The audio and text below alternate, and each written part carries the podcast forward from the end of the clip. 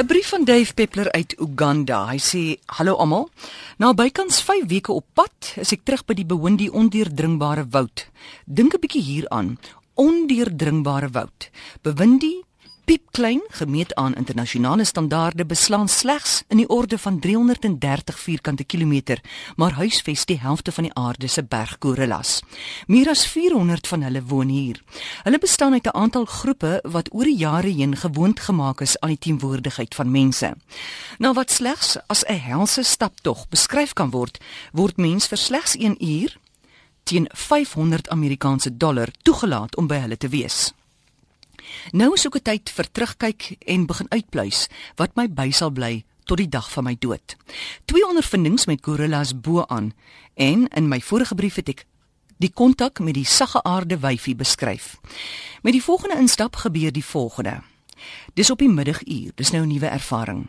Dis kokend warm. Die vog in die lug is op doupunt. In 'n skadukol lê vier gorilla ma's en probeer rus van die konstante irritasie en gekarring van die babas. 'n Ouma vererg haar bloedig en jaag die snuiters onder 'n skadubos in.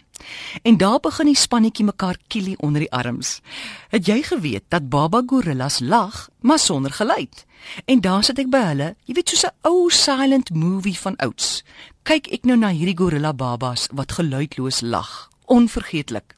Die ander voorval het gebeur met 'n ouma sjimpansee wat op die grond sit en kyk hoe haar opgeskote seun besig is om wilde vye te pluk. Sonder waarskuwing breek die tak en die seentjie stort na benede.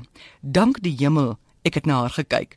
Soos in 'n oordrewe dramatiese sepie, skiet haar hand na haar hals en sy skree soos 'n maarvark. Ek moes gaan sit van die lag.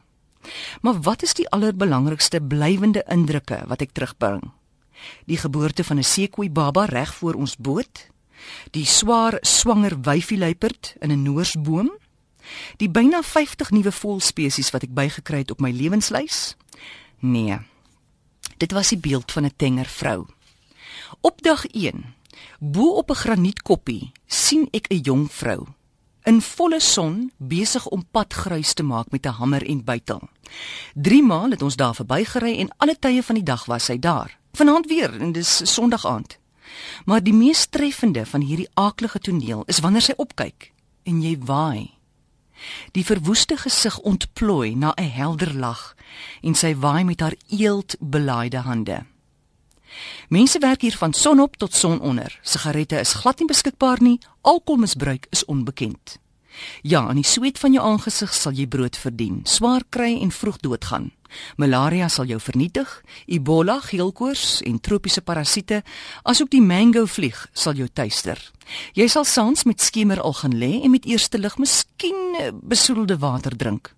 Maar een ding is seker, jy sal voluit lewe. Elke oomblik sal jou siel volpak met kennis van die aarde. Jy sal met intense waardigheid leef hierso. Hou op kla. Hou op praat van hulle.